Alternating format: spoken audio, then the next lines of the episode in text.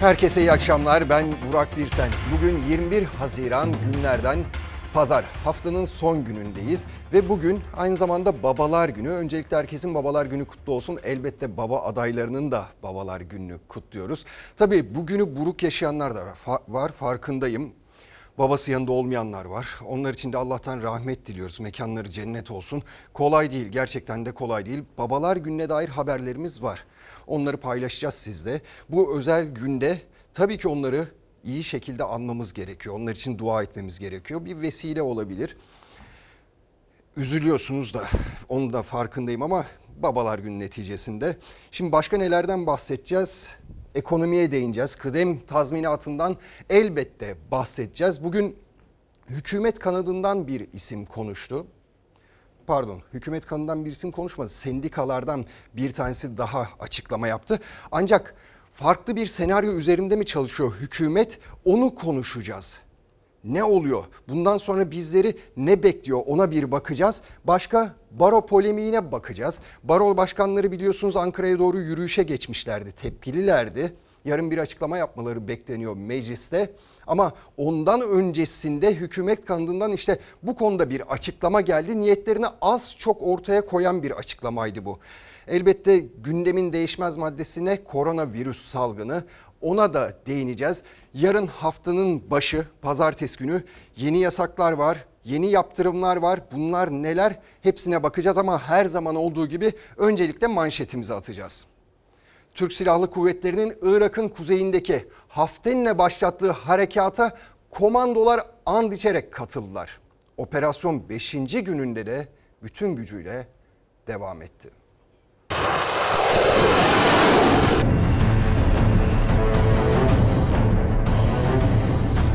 Pençe Kaplan operasyonunun 5. gününde Milli Savunma Bakanlığı paylaştı görüntüleri. 40 kiloluk çantalarını hazırlayan kahraman komandolar operasyona katılmak için sınır ötesine geçti. Öncesinde komando anda okundu.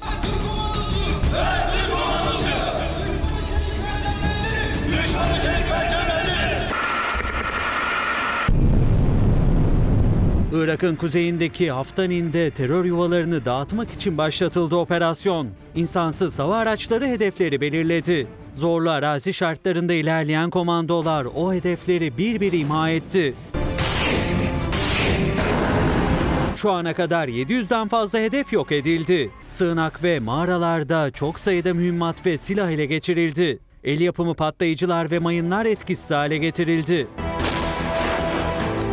Pençe Kaplan operasyonunun başarısı terör destekçilerini rahatsız etti. Dışişleri Bakanlığı, Amerika Birleşik Devletleri Uluslararası Dini Özgürlükler Komisyonu'nun operasyonu kınayan açıklamalarına tepki gösterdi. Sözcü Hami Aksoy, sözde insan hakları savunucularının PKK'nın kara propagandasına alet olduğunu vurguladı.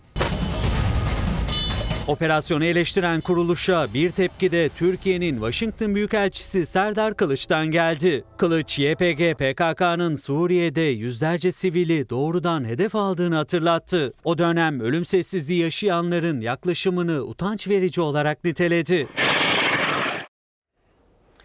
Evet bugün babalar günü. Bugünü buruk geçirenler var.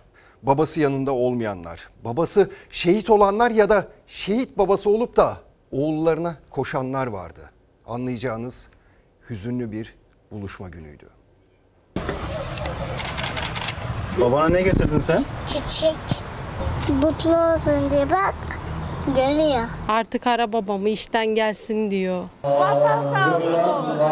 Bizde Mehmetler bitmez, şehitler bitmez bizde. Babalar gününde hiç görmediği babasının kabrine koştu 3 yaşındaki Elif Ennur. Kahraman babası jandarma uzman çavuş Tolga Özdinç 2016'da Şırnak'ta terör örgütü PKK'nın hain saldırısında şehit düştüğünde henüz annesinin karnındaydı.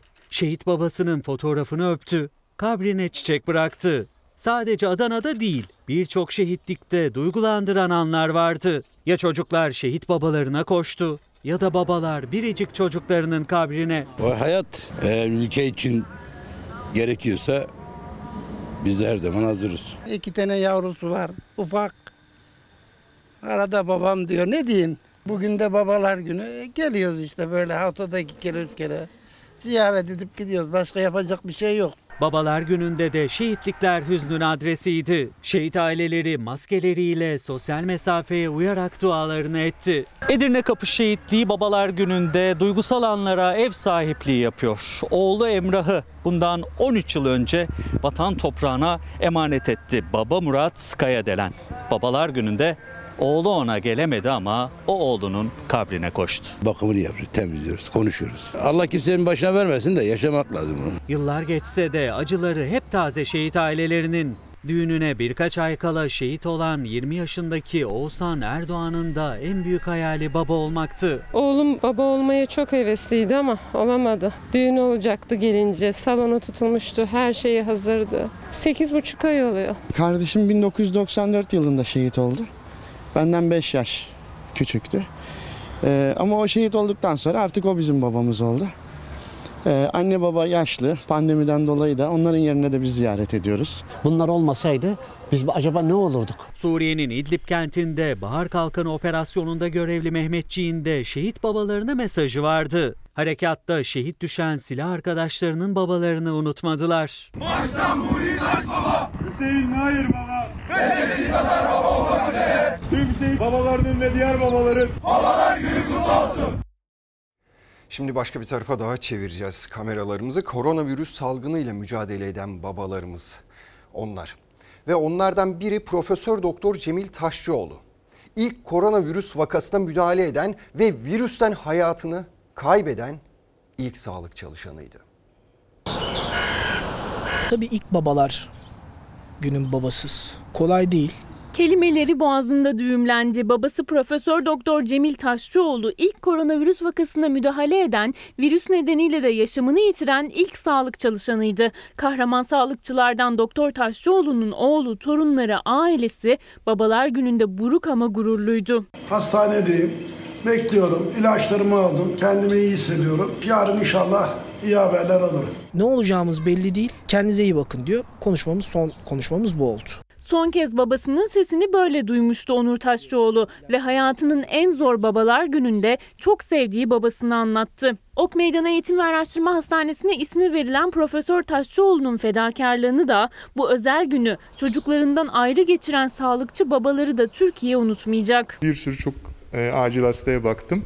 Onlar bu kadar e, yormamıştı. E, çocuklardan ayrı kalmak inanılmaz zor bir şey. Ben Nisan ayında sadece iki gün eve gidebildim ve e, çocuklarım gerçekten beni gördüğünde çok çok duygusal anlar yaşadık. Koronavirüsle mücadele eden doktorlara aylardır çocuklarına hasret zaten virüs yüzünden eskisi gibi de değil hiçbir özel gün. Hediye aldınız mı? Hayır da alamadı. Yok maalesef. Eski beklentilen, bu beklenen bir babalar günü yok. Yani normalde hediye paketi yetmezdi işin gerçeği. Yani o derece 5 belki 10 paket yapılmıştır. Bu babalar günü sadece doktorlar için değil esnaf için de farklı geçiyor. Uzun süredir özel günleri bekliyordu esnaf en azından biraz olsun iş yapabilmek için ama babalar gününde de dükkanlar dolmadı.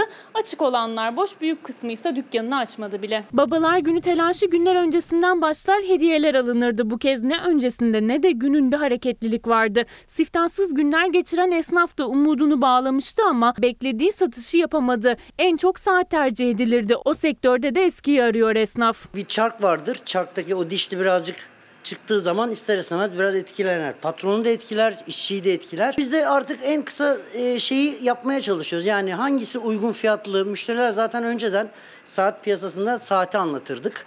Saatin özellikleri anlatılırdı. Şimdi fiyat anlatılıyor. Tabii ki biraz alım gücü zorlandığı için haliyle Evet sağlık çalışanı babalarımız ama sadece onlarla sınırlandırmamak lazım. Tüm sağlık çalışanları şu son dönemde büyük bir özveriyle çalıştılar. Hayatlarını hiçe sayarak çalıştılar. Canla başla mücadele ettiler koronavirüsle ve alkıştan her zaman söylüyorum bunu. Alkıştan çok daha fazlasını hak ediyorlar. Çünkü biz bir ara alkışlamayı adet haline getirdik. Hiçbir şey vermeyip sadece alkışlarla onları teselli ediyorduk. Bu da çok doğru gelmiyor bana. Onu da söylemek istedim. Şimdi babalar günü haberleriyle devam edelim. Siyasetçilerin de babalar gününe ait mesajları vardı. Babasına sürpriz yapan da oldu, şiir okuyan da. Gece gündüz nöbet tutarken tükenmeyip, ateşimi ölçerken titreyen elinde anladım seni. Dünyayı sırtladığında değil, kapıdan girip omzuna alışında anladım. Evlat yük olmazmış babaya. Babalar gününde bu özel klibi paylaştı sosyal medya hesabından Cumhurbaşkanı Erdoğan. Babası Ahmet Erdoğan'ı da anarak kutladı babalar gününü. Çocukları, gece gündüz demeden çalışan, evlatları olmakla her zaman gurur duyduğumuz ilk kahramanlarımızın Babalar Günü kutlu olsun. Özlemem arkadaş. Her cuma arar beni. Her cuma arar. Daha gözünün yaşı dahi kurumamıştı Osman Çavuşoğlu'nun. Gazetecilere anlattığı Dışişleri Bakanı oğlunu da beklemiyordu belli ki. Mevlüt Çavuşoğlu bu özel günde Antalya'daki babasına sürpriz yaptı. Hoş geldin ha yavrum. Baba nasılsın iyi misin? Gönlümde seni bile tuta tuta yaşıyorum ay oğlum. Baba bazen 25 yaşında evladını kucağına alamadan al bayrağı sarılmış bir yiğit, bazen şehit olan evladı için vatan sağ olsun diyen vakur bir yürektir. İyi Parti Genel Başkanı Meral Akşener de babalar gününe özel hazırlanan klibi seslendirdi. Saadet Partisi Genel Başkanı Temel Karamollaoğlu da babalar gününü bir kliple kutladı. Bu kadar saat nasıl çalışılır? Ay sonu nasıl getirilir? Babam ev geçindirmeyi nereden öğrendi? Ona bir rahmetti. Kar, dolu, boran, duruşu öğreten, sözünde duran, halka hizmet için bir vakıf kuran, erenlerin piri, Hisar'dı babam. Eski Başbakan Gelecek Partisi Genel Başkanı Ahmet Davutoğlu mikrofon başına geçti. Babalar günü için şiir okudu. Hani en büyük sen olurdun ya baba Özgür kırlangıçlardan söz ederdin ya İyi bir insan olman baba CHP lideri Kemal Kılıçdaroğlu da sosyal medya hesabından bir klip yayınladı. Vatanı, çocukları için fedakarlıklar yapan tüm babaların gününü kutladı.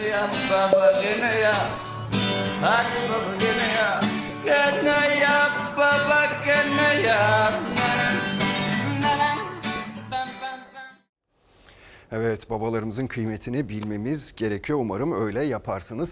Şimdi koronavirüse bir bakacağız. Yarından itibaren bilmiyorum farkında mısınız biliyor musunuz duydunuz mu? Önlemler biraz daha genişletildi. Neden genişletildi derseniz işte bu yüzden genişletildi. Dünkü rakamlar bunlar 20 Haziran'ın rakamları. Vaka sayısı 1248.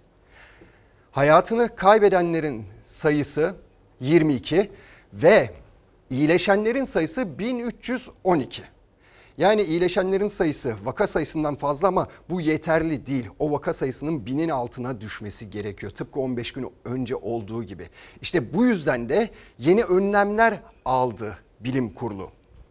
Nedir diyeceksiniz o önlemler? Yarından itibaren eğer sokağa maske takmadan çıkarsanız ya da o maskeyi yanlış takarsanız şuraya takarsanız bunun cezası olacak. Ne kadar? Maske takmayana 900 lira ceza kesilecek. 1 Haziran sonrası çok enteresan bir dönem. Ee, Biz sanki hiç 11 Mart 31 Mayıs arasını yaşamamışız gibi bütün alanlardaki hareketliliklerimiz pandemi ilanından önce dönemden hemen hemen aynı seviyeye gelmiş. Virüsle mücadelede 1 Haziran'da atılan normalleşme adımları sonrası uzmanları endişelendiren gevşemeyi koronavirüs tablosu da gösteriyor. Günlük vaka sayısı hala binin çok üstünde. 1 Haziran'da başlayan esneklik henüz rakamlara yansımadan önce 14'e kadar düşmüştü hayatını kaybedenlerin sayısı. Günlerdir yine 20'nin üzerinde. Son günlerde vaka sayılarımızın arttığı illerden bazılarında yoğun bakım hasta sayıları Diyarbakır'da 30, Kayseri'de 41, Batman'da 22, Bursa'da 46. Sağlık Bakanı Fahrettin Koca da yeni tabloyu paylaşırken özellikle bazı illerde vaka ve yoğun bakım hasta sayılarının arttığına dikkat çekti. Diyarbakır, Kayseri, Batman ve Bursa'yı örnek gösterdi. Uzmanlar da salgının ilk günlerinden daha dikkatli olunması gerektiğini söylüyor. 11 Mart'ta bizim bir tane vakamız vardı ama bugün itibariyle aramızda yaklaşık 23 bin tane vaka var. İkinci bir dalga olabilir. İkinci dalganın birinci kadar kuvvetli olmayacağına da kesinlikle eminim. Çalar Saat hafta sonunda Merve Yıldırım'ın konuğu olan kalp cerrahı Bülent Polat da ikinci dalga uyarısı yaptı. Bu hastalık daha aylarca devam edecektir. Belki yaz döneminde salgının derecesi biraz azalabilir. Eylül-Ekim gibi sonbahardan sonra tekrar bir artış Eyvah, yaşanma okulların ihtimali var. açıldığı Yeniden tedbir uyguluyorsunuz. Sonra azalmayı sağlanınca yeniden kaldırıyorsunuz. Artış oluyor yeniden uyguluyorsunuz. Bunun böyle gitmesi lazım. Ama kendi haline bırakırsanız bu artışlar sürekli yaşanabilir. Enfeksiyon Hastalıkları Derneği Başkanı Profesör Doktor Mehmet Ceyhan'a göre de uzun sürecek salgın. O yüzden normalleşirken tedbirleri elden bırakmamak şart. Hem restoranlarda hem kafelerde onu servise hazırlayan kişileri görmüyoruz. Eğer onların içerisinde virüs taşıyan birileri varsa onlar o bardağı kirletebilir ve o şekilde gelebilir size. Bu şekilde bulaşlar biliniyor. Kafe ve restoranlarda servis edilen içecek ve yiyeceklerden koronavirüs bulaşanların olduğunu söyledi Profesör Ceyhan. Bardak ve çatalları müşterilerin de temizlemesini istedi. Çay içecekseniz, kahve içecekseniz kolonyalı mendil gibi ya da işte dezenfektanla ıslatılmış kağıt mendil gibi bir şeyle ağzınıza gelen tarafları silip ve elinizi değdirdiğiniz zaman ağzınıza falan götürmeden mutlaka ellerinizi temizleyin. Maske takmak zaten zorunlu ama bu kuralı uyan az. Sahiller hafta sonunda tıklım tıklım ama maske takan da sosyal mesafeye uyan da çok az. İçişleri Bakanlığı'nın 81 ilin valiliğine gönderdiği talimat doğrultusunda son uyarılar yapıldı. Pazartesiden itibaren İstanbul ve Ankara dahil 48 ilin tamamında, 33 ilde ise alışveriş merkezi ve toplu taşıma araçları gibi kalabalık alanlarda maske takmayanlara 900 lira ceza kesilecek. Lütfen sosyal mesafeye dikkat edelim. Ağız ve burnumuzu kapatacak şekilde maskelerimizi takalım. Yarından itibaren anlaşılan şu ki çok daha ciddi önlemler alınabilir bakın. Nedir bunlar? İlkini aldılar. Maske takmayana 900 TL ceza verilecek. Yani maskesiz son 5 saatimiz. Bundan sonra maskesiz dolaşmak diye bir şey olmayacak. Mesafeyi koruyacağız. Neydi parola? Tamamdı. Temizlik, maske, mesafe. Yeni parolumuz tamam. TMM temizlik, maske, mesafeydi. Bunları sağlamamız gerekiyor ve ilk etapta maske takmayana da yarından itibaren 900 TL ceza kesilecek. Şimdi koronavirüste kendimiz önlemler alıyoruz elbette. Ciddi de önlemler alıyoruz ama tüm dünya için geçerli olan bir şey var. Para. Para çok önemli. Ve şu dönemde yaz döneminde özellikle para nereden geliyor? Turizm gelirlerinden geliyor.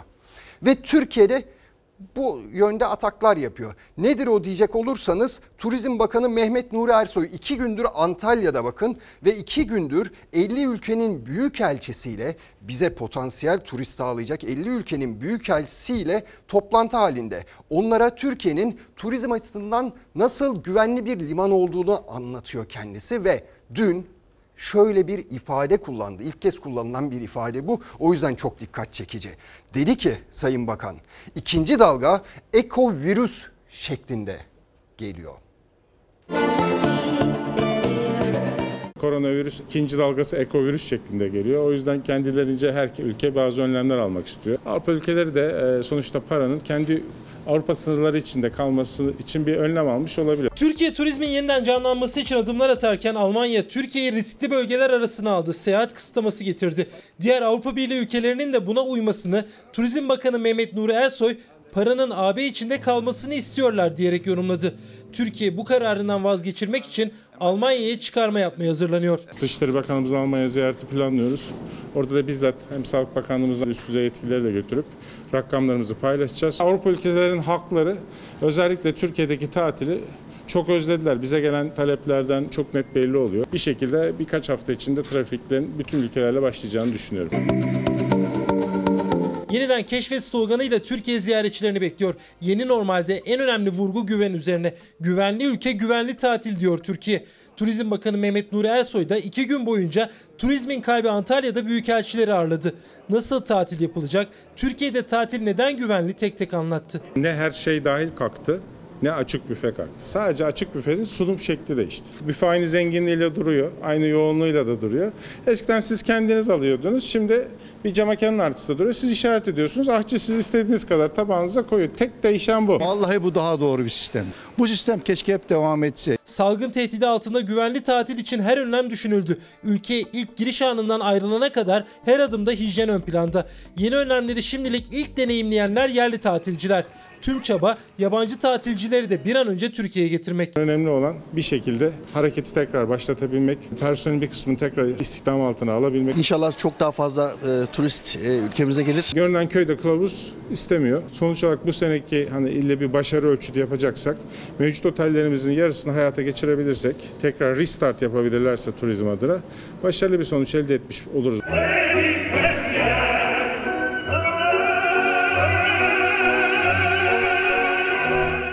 Türkiye'de tatil sadece deniz, kum, güneş değil. Aynı zamanda tarihle ve sanatla iç içe olmak demek. Türkiye'ye en çok turistin geldiği 50 ülkenin büyükelçisi bu deneyimi bir kez daha yaşadı. Aspendos Antik Tiyatrosu'nda 7 tenorun konseri büyükelçileri büyüledi.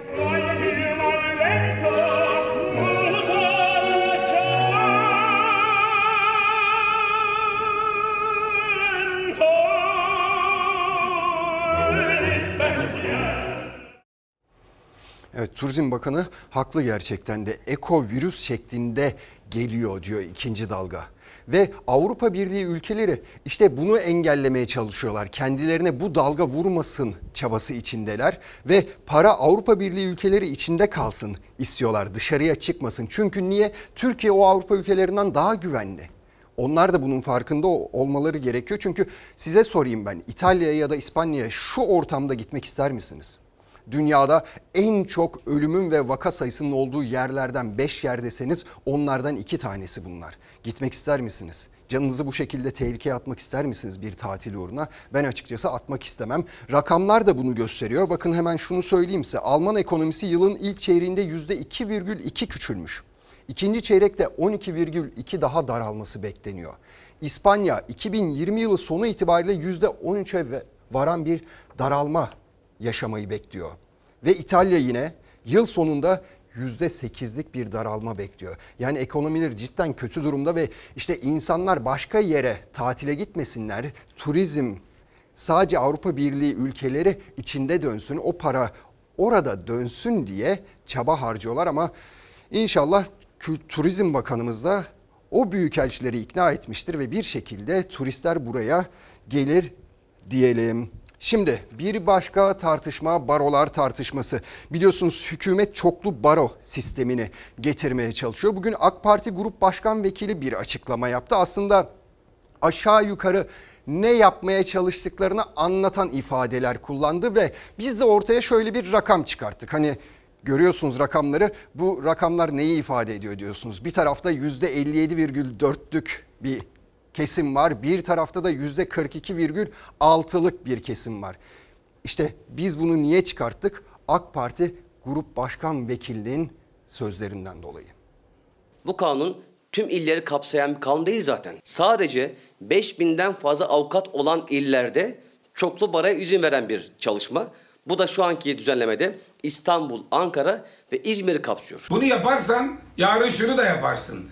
İzmir bize oy vermiyor. Orada 200 bin kişi bir milletvekili çıkarsın. Kayseri'de durumumuz daha iyi. 50 bin kişi bir milletvekili çıkarsın. Çoklu baro düzenlemesinin sadece 3 büyükşehir Ankara, İstanbul ve İzmir'i kapsayacağını ilk kez açıkladı AK Parti Grup Başkan Vekili Bülent Turan. Yani avukat sayıları itibariyle en güçlü 3 baro ile ilgili düzenleme hazırlığında iktidar. Anadolu illerimizin İstanbul, Ankara, İzmir haricinde hiçbirisinde şu an çoklu baro öngörmüyoruz. Baroları çoklu baro sistemiyle böleceklermiş.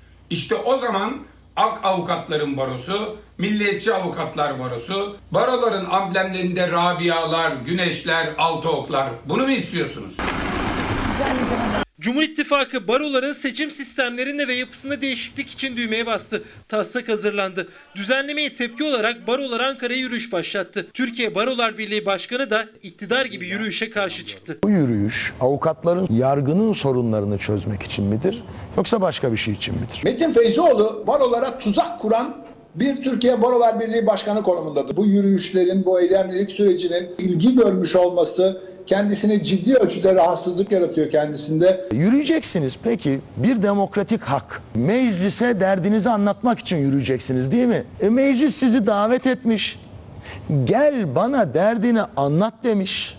Sen oraya gitmiyorsun. Metin Feyzoğlu'nun teklifin e, yazım aşamasında da bulunduğuna inanıyorum. Metin Feyzoğlu AKP tarafından hazırlanan bu teklifin ortağıdır. Yandaşıdır, yıkıcısıdır. Baroların başlattığı yürüyüşe karşı ses yükselten Türkiye Barolar Birliği Başkanı Metin Feyzoğlu'na İstanbul Baro Başkanı Mehmet Durakoğlu yanıt verdi. AK Partili Bülent Turan'ın sözleri de hem Durakoğlu'nun hem de CHP'nin hedefindeydi. Yürüyerek, şov yaparak, yanlış bir takım iddialar ortaya koyarak Türkiye'deki gündemi değiştirmenin hiç kimseye faydası yok diye düşünüyorum. Eğer iletişim tarzınız yoksa yürümek değil koşsanız da faydası yok. Neden yürüyüş yapıyorsunuz diyor. Bir demokratik hak arayışını şov yapmak olarak nitelendiriyor. Sanki vaktinde usulüne uygun çağırmışlar gibi. Hep bir ağızdan hem siz hem Milliyetçi Hareket Partisi barolara hakaretler edip seçim sisteminizi değiştireceğiz. İttifak ortağımızla oturduk görüştük demediniz mi? Biz daha önce baro başkanlarımızı meclise davet ettik. 30 tanesi geldi. İstanbul, Ankara, İzmir gelmedi. Ben grup başkan olarak her zaman baro başkanlarımıza görüşmeye açığım. Ben bu ülkenin en büyük barosunun başkanıyım. İstanbul Barosu'na böyle bir tasarıyla ilgili bir şey sorulmadı. Baro başkanlarının Ankara'ya yürüyüşü sürüyor. Pazartesi sabahı Ankara Barosu 80 ilden yola çıkan başkanları karşılayacak. Birlikte Anıtkabir'i ziyaret edecekler. AK Parti ise Temmuz ayının ikinci haftasına kadar düzenlemeyi meclisten geçirmeyi planlıyor. İstanbul Baro Başkanı'nın sözleri gerçekten çok çarpıcı. Metin Feyzoğlu için yazım aşamasında da bulunmuş olabilir diyor. Olabilir mi? Hani öyle bir şey çıkarsa ben şaşırmam açıkçası. Çünkü daha önceki senelerde yaptıkları ortada. Hele ki o işte Cumhurbaşkanı'nın pasaport açıklaması sırasında, yeşil pasaport açıklaması sırasındaki alkışı çılgınca alkış. Evet yani normal bir alkış değil o çılgınca alkışı hiç akıllardan, hafızalardan çıkacak gibi değil. Ama şu rakamları anladınız. Umuyorum anladınız. Bir tarafta %57,4, bir tarafta %42,6 var. Hükümet diyor ki 80 ilin diyor 80 baronun sadece 3 tanesinde biz çoklu baro düzenine geçeceğiz. Kim bunlar? Ankara, İstanbul ve İzmir barolarında çoklu baro düzenine geçeceğiz. Yani Türkiye'deki baroların %57,4'lük nüfusunu oluşturuyor bu 3 baro. Yani burada bir bölüşme yaşanacak, bölünme yaşanacak. Bir farklı gruplaşma yaşanacak. Belki de iktidar cephesi herhangi bir şey olduğu zaman kendilerini %57,4'lük bir baronun eleştirmesine engel olmak istiyor da olabilir. Eleştirilerin önünü bu şekilde kesmek istiyor da olabilir ama bu doğru bir düşünce mi? Ne kadar doğru bir düşünce ve dün de söylemişim ilk kez 80 ilim baro başkanı ortak bir görüş, ortak bir duruş sergileyip bu duruma karşı çıkıyorlar. Daha önce yaşanmamış bir şeydi bu. İşte bu onu ifade ediyor. Bakalım yarınki açıklamalar ne olacak? Hükümet cephesinden ne yanıt gelecek? Metin Feyzioğlu'ndan ne yanıt gelecek? Onu da yarın göreceğiz. Şimdi ekonomi diyeceğiz. Cumhurbaşkanı Erdoğan dün bültenimizi izlediyseniz duymuşsunuzdur. Merkez Bankası döviz rezervinin 93 milyar doların üzerine çıktığını söylemiş ve bununla da övünmüştü. Şimdi o sözlere CHP'nin ekonomiden sorumlu isminden Aykut Erdoğan'dan eleştiri geldi. Erdoğdu 2013'te rezervin 133 milyar dolar olduğunu hatırlattı. E tabi bizde şu soruyu sormak düşüyor bize de. Sayın Cumhurbaşkanı'nın bu açıklaması başarı mı yoksa başarısızlık mı ifade ediyor? Merkez Bankası döviz rezervimizi yeniden 93 milyar doların üzerine çıkardı. Bunu çok büyük bir başarıymış gibi anlattı. Aslında gerçek de öyle değil. 2013 yılında brüt rezervimiz 133 milyar dolardı. Cumhurbaşkanı Erdoğan'ın Merkez Bankası döviz rezervinde 93 milyar doların üzerine çıktık sözüne karşı CHP'nin ekonomiden sorumlu ismi Aykut Erdoğdu 2013 döviz rezervini hatırlattı. Erdoğan da 19 Nisan 2013 tarihinde yaptığı konuşmada 130 milyar dolar demişti. Bakın bugün ilk kez açıklıyorum. Merkez Bankamızın döviz rezervi dün itibariyle yine bir rekor kaydetti ve 130 milyar dolara ulaştı. 2020 yılına geldik. 40 milyar dolar brüt rezervimiz erimiş durumda. Hamdolsun şu anda döviz rezervimiz 120 milyar dolar. Cumhurbaşkanı 2018 yılında da 120 milyar dolar olarak açıklamıştı Merkez Bankası döviz rezervini. 2020-20 Haziran'ında yaptığı konuşmada 93 milyar dolara çıkardık dedi. CHP'li Aykut Erdoğdu başarısızlığın itirafı derken 93 milyar doların da inandırıcı olmadığını söyledi. Katar'dan bir 15 milyar dolar alındı swap olarak. Bu bizim paramız değil. Çin'den de 1 milyar dolar alındı. Bir de bankalardan ayrıca 32 milyar dolarlık swap anlaşması yapıldı. Yani bugün Merkez Bankası bilançosunda görülen 48 milyar dolar bize ait para değil, başka ülkelere ait paralar. Ayrıca biliyorsunuz bankalar topladıkları dövizlerin bir kısmını da Merkez Bankası kasasına koyuyorlar. E bu dövizler de bize ait değil. Şu an Türkiye'nin rezervleri eksi 34 milyar dolar. Aykut Erdoğdu, Merkez Bankası net döviz rezervi için bu çarpıcı rakamı verdi. Eksideyiz dedi. Türkiye'nin uzun ve kısa vadeli borcuna dikkat çekti. 437 milyar dolar uzun vadeli borcu var. Ama asıl tehlikeli olan bir yıldan kısa vadeli olan borçlarımız. Yani bir yıl içerisinde bankalarımızın, kamunun, yurt dışına ödemesi gereken borç 165 milyar dolar. Bu 165 milyar doların üzerine bir de cari açık gelecek. Türkiye'yi dünyanın en büyük 10 ekonomisi arasına sokma hedefimize hiç olmadığımız kadar yakınız. Şu an Türkiye ekonomisi şişiriliyor. Bu çelik bir düdüklü tencerenin sürekli kaynatıldığını düşünün. Patlama çok şiddetli olabilir. Ekonomide toparlanma sinyalleri oldukça güçlü geliyor. Çok büyük bir ivme bekliyoruz. Sağlıklı bir toparlanma yok, büyüme yok, şişme var. Yani şeker hastasına baklava yedirme var. Kalp hastasını sağlıklı göstermek amacıyla halı sahada maça çıkarmak var. Kobileri, şahısları kamuyu aşırı borçlandırmak demek yaşadığımız buhranın çok daha tehlikeli bir noktaya götürmek demektir. Cumhurbaşkanı iyimser bir tablo çiziyor ama ana muhalefete göre tablo gidişatın kötü olduğunu gösteriyor. Evet Sayın Cumhurbaşkanı gerçekten yani pembe bir tablo çiziyor. Bunu çok iyi bir şeymiş gibi dün bize anlattı. Fakat kendisi mi acaba yanlış bilgilendiriliyor? Kendisine yanlış bilgiler, doneler mi veriliyor da çıkıp bunları söylüyor? Çünkü bir önceki açıklama da kendisine ait. Daha önce yapılan açıklama da kendisine ait. İşte söylemiş kendisi 133 milyar dolar demiş. Bugünse 93 milyar dolara yükseltmekle övünüyoruz. Peki aradaki 40 milyar dolar buhar olup nasıl uçtu? Ya da 93 milyara bunu yükseltmekle övünüyorsak buna biz seviniyorsak 133 milyar dolardan kaça indirdik bu rezervi? 50 milyar dolara mı 30 milyar dolara mı indirdik de sonra 93'e çıkınca seviniyoruz. İşte arşiv unutmuyor bunları ve enflasyon rakamlarına da dönmesin istiyoruz açıkçası. Hani şu TÜİ'nin bizlere sunduğu enflasyon rakamlarına da dönmesin her şey istiyoruz. Şimdi bir başka önemli konu ekonomide ne diyeceksiniz? Elbette kıdem tazminatı konusu. Kıdem tazminatına dokunacaklar mı, dokunmayacaklar mı? Vallahi açıkçası bir şekilde dokunacaklar gibi ama bunu nasıl yapacaklarının formülünü bulmaya çalışıyor sanki iktidar. Ne diyeceksiniz?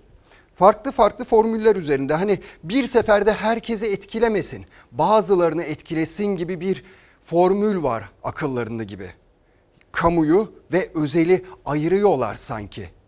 Ve şunu soruyoruz tabii. Neden böyle bir ayrım yapılıyor?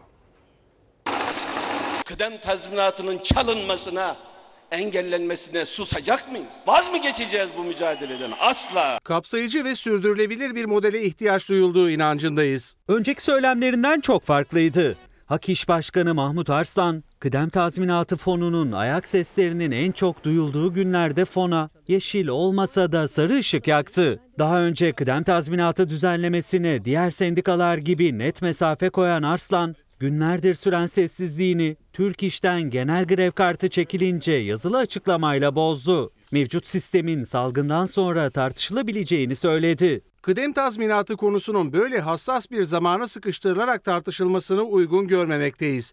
Çalışma hayatının bu önemli sorununu sosyal taraflarla müzakere etmeye ve mutabakata açık olduğumuzu bir kez daha belirtmek isteriz. Var olan haklarımız korunacak. İşte 30 gün dahil Olmazsa biz buna as- asla evet demeyiz. hem işçimiz için hem işverenimiz için çok sağlıklı bir yöntem olduğunun anlaşılacağını düşünüyoruz. Hükümet tamamlayıcı emeklilik sistemi adı altında kıdem tazminatı fonu oluşturmak istiyor. Tepkiler üzerine meclis tatilinden önceki torba yasada yer almayacağı konuşulsa da Ekim ayında yeniden gündeme gelmesi bekleniyor düzenlemenin. Disk ve Türk İş tartışılmasına bile karşı mevcut sistemin. Çünkü çalışanın iş güvencesi ortadan kalkacak, tazminat ancak emekli olunca alınabilecek. Bu modelde diğerleri gibi hak kaybından başka bir şey getirmiyor. Düzenlemeleri zamanlama olarak uygun bulmadığımızı belirtmek isteriz. Biz sendikalar kıdem tazminatına hangi şekilde müdahale edilirse edilsin bunu genel grev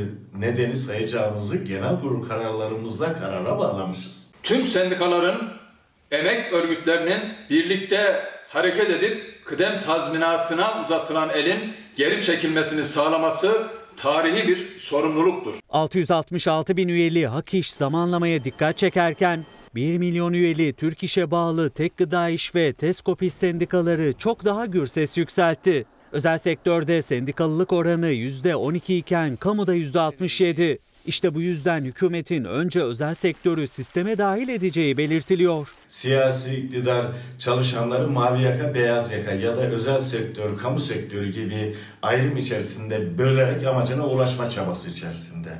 Ancak bu çaba, çabanın boşuna olduğunu söylemek istiyoruz.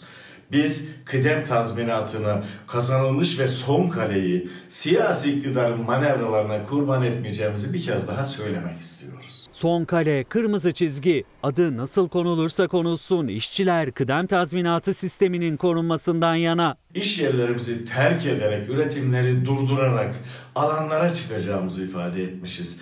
Yani genel greve çıkacağımızı ifade etmişiz. Bunun şakası yok. Lütfen bizi sıramaya kalkmayın. Evet bir şekilde çıkartacaklar gibi. Zaten hani 30-40 yıldır bu işle uğraşılmıyor mu? Kıdem tazminatı bir şekilde kaldırılmak isteniyor. Ama bu hükümet farklı farklı yöntemler döneme, denemeye başladı. Şu son bir haftalık kısımda. İşte ilk olarak özel sektör çalışanlarından başlayacakları söyleniyor. Baktığınız zaman 16 milyon işçinin sadece 1,7'si kamuda çalışıyor. Yani büyük çoğunluğu özel, özel sektörde çalışıyor ve kamudakiler sendikalı, çoğunluğu sendikalı, özel sektördekilerin ise çoğunluğu sendikalı değil. Yani bir birlik bütünlük sağlayamazlar. Çok fazla karşı çıkamazlar. Kamuya eğer siz ayırırsanız sizin kıdem tazminat hakkınız devam edecek ama ben özel sektörün kıdem tazminatına önce dokunacağım derseniz işte bu pek olacak gibi değil. Ve ne kadar vicdana sığacak? Bakın özel sektörde çalışanlar, çalışan işçiler şu anda işsiz kalmakla burun burnalar. İşsiz kalma tehlikesiyle burun burnalar ve siz insanlara şunu mu söyleyeceksiniz? Ya işsiz kalacaksın ya kıdem tazminatından vazgeçeceksin. Neyi seçmelerini bekliyorsunuz? İşsiz kaldıkları zaman evlerine ekmek götüremeyecekler ve elbette kıdem tazminatı varsın olmasın diyebilir birçoğu. Ama bu ne kadar vicdanı, vicdana sığar, ne kadar vicdani bir tutum onu da değerlendirmek lazım. Ha şunu da bilmek lazım kamu işçileri. Şimdi özel sektöre yapılıyor. Sanmayın ki bir yıl sonra, altı ay sonra sizin de kapınızı çalmayacaklar. Bu iş başladıysa elbet bitirilecektir de. O yüzden böyle bakmak lazım. Şimdi bir tarım haberimiz var. Malum mevsim normallerin üzerinde yağış düştü belli yerlere. Çiftçiler ürünlerini alamadılar. Ve tarladaki sıkıntı 3 gün sonra maalesef tezgahlara da yansıyabilir.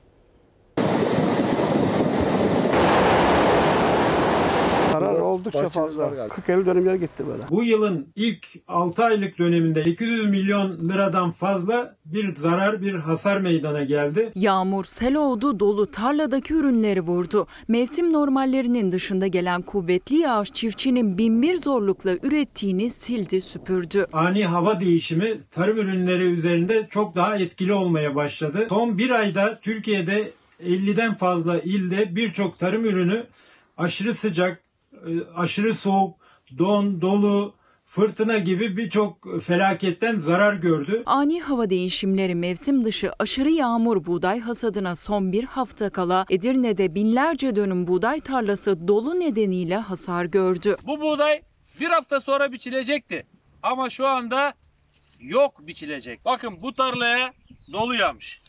Yani çiftçimiz buradan 600-700 kilogram buğday alacaksa alacakken şu anda belki 50-60 kilogram biçecek. CHP Edirne Milletvekili Okan Gaytancıoğlu hasarı yerinde inceledi. Ancak tek zarar gören Edirne değil. Düzce'de de dereler taştı, heyelanlar meydana geldi. Yağmurun şiddeti bölgenin geçim kaynağı olan fındıkları dallarından döktü, mısırlar çamura gömüldü. Toprakta ekili dikili bütün ürünler zarar gördü. Pancar, fındık, mısır, Fasulye, kabak hep bitti. Gübresi var, ilacı var, mısır tohumu var. Masraf çok ama işte bir umutla yapıyoruz. İşte Allah'tan bir afat göre balık gidiyor işte böyle. Zaten uzayan masraf listesine karşı bir de ürünü heba oldu çiftçinin. Karabük'te metrekareye 30 kilogram yağış düştü. Ürünler su altında kaldı. Köylüler ellerinde küreklerle suyun bahçelerine girmesini engellemeye çalıştı.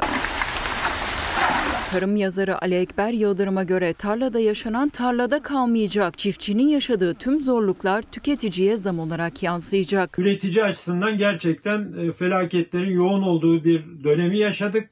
Bunun tüketiciye yansıması ise bu ürünlerin e, azalması nedeniyle hem fiyatın yükselmesi hem de üretimin e, azalması nedeniyle tüketici daha yüksek fiyatta almak zorunda kalacak.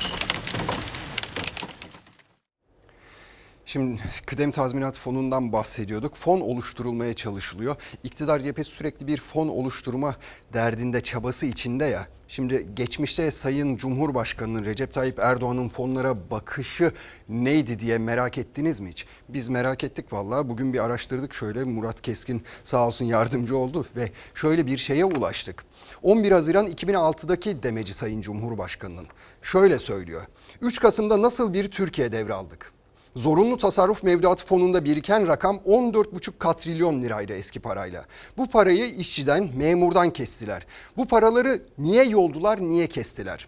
Birilerine yapacakları ödemeler vardı ya, hortumculara falan aktardıkları paralar vardı ya, işte onun için. Geldik, açın kasayı dedik, para yok dediler. Ne var bunun yerine? Kağıt var dediler. Ve işte biz şimdi her şeyi bir fona devretme çabası içindeyiz. Üç gün sonra peki sizin yerinize gelen iktidarlar sordukları zaman açın şu kasayı ne var dedikleri zaman onların karşısına ne çıkacak? Kağıt mı çıkacak yoksa para mı çıkacak? Ne değişti de sizin de görüşleriniz bu kadar değişti. Şimdi deprem gerçeğine de bakalım. Bunu bize bir kez daha İstanbul Büyükşehir Belediyesi hatırlattı. Ne yaptılar? İlçe ilçe deprem raporu çıkardılar. Ama benim evim 9 ay geçtikten sonra bugüne baktığımda gördüğüm şey şu. O gün söylenenlerin hiçbirisi yapılmamış vaziyette. İstanbul Silivri depreminin üzerinden tam 9 ay geçti. Ancak 5.8'lik o sarsıntı deprem gerçeğini zihinlerde tutmaya ancak birkaç hafta yetti. İstanbul Büyükşehir Belediyesi de unutulmasın, önlem alınsın diye Kandilli Rasathanesi ile birlikte rapor hazırladı. 39 ilçenin risk haritası çıkarıldı. Risk arttıkça semtler koyu kırmızı ile gösteriliyor. İşte Bağcılar, Bahçeli Evler. Neredeyse tamamı koyu kırmızı. Yani ağır hasar alacak binalarla dolu. Daha önce çekilmiş fotoğrafların biraz daha kötü halini görüyorsunuz. Niye? Gayet normal. Çünkü 10 sene geçmiş, 5 sene üzerinden geçmiş son raporların üzerinden. Bu kadar sene boyunca ne artmış ne azalmış. Ne artmış söyleyelim bina stoğumuz artmış. Mimar afları gelmiş bazı kaçak binalar da bunun içerisine sokulmuş. Peki ne azalmış? Toplanma yerleri azalmış. İlçelerin olası deprem kayıp tahminleri kitapçığına göre 7'den büyük bir depremde İstanbul'da yüz binlerce bina orta veya ağır hasar görecek. Her ilçede on binlerce kişi günlerce ya da haftalarca sokakta kalacak. Rapora göre örneğin Zeytinburnu'nda 11.669 bina hasar görecek. Sadece Zeytinburnu'nda bile 31 bin hane için geçici barınma ihtiyacı ortaya çıkacak. Sultanbeyli, Küçükçekmece, Fatih beklenen yerler zaten. Depremden sonra hemen acil olarak barınmaya ihtiyaç duyacak insan sayısı anormal fazla. İşte 25 bin Bağcılar'da vesaire Sultanbeyli'de. Şimdi bu insanların nerede barınacağı, nerede yardım bekleyeceği, geçici yerlere götüremezsek nerelerde kalacağı konusu tamamen soru işareti olarak gözüküyor. Eylül 2019'daki Silivri depreminden sonra gözler en çok da bu ilçeye çevrilmişti. Ancak orada bile hala yeterli hazırlık yapılmadı. Olası büyük depremde 9 bin bina ya yıkılacak ya da büyük bir hasar alacak. Bu da barınma ihtiyacına sebep olacak. Sadece Silivri'de bile 13.481 hane geçici barınma ihtiyacı duyacak. Afet uzmanı Kubilay Kaptan'a göre İstanbul'da hala deprem sınavına hazırlanmamakta direniyor. 5.8'lik depremde haberleşmeyi sağlayamadık. Yolların bloke olmasını engelleyemedik. Elektrik kesintileri oluştu. İnsanları nasıl mobilize edeceğimizi bilemedik. Kaldı ki bizim bahsettiğimiz deprem 7.2. 5.8 ile 7.2 arasında yaklaşık olarak 3 tane atom bombası büyüklük farkı var. Bu kadar büyük bir depremde hala ne yapacağımızı bilmiyor olmak oldukça acı ve üzüntü verici bir durum. Reklam zamanı. Fox Ana Haber Bülteni'ni burada noktalıyoruz. Bizden hemen sonra iyi oyun Türk filmi ekranlarınızda olacak. TV'de ilk kez yarın akşam saat 19'da Gülbin Tosun sizlerle birlikte olacak. Güzel bir hafta diliyorum sizlere. Umarım bir daha buluşuncaya dek yüzünüzü güldüren güzel haberler alırsınız. Hoşçakalın.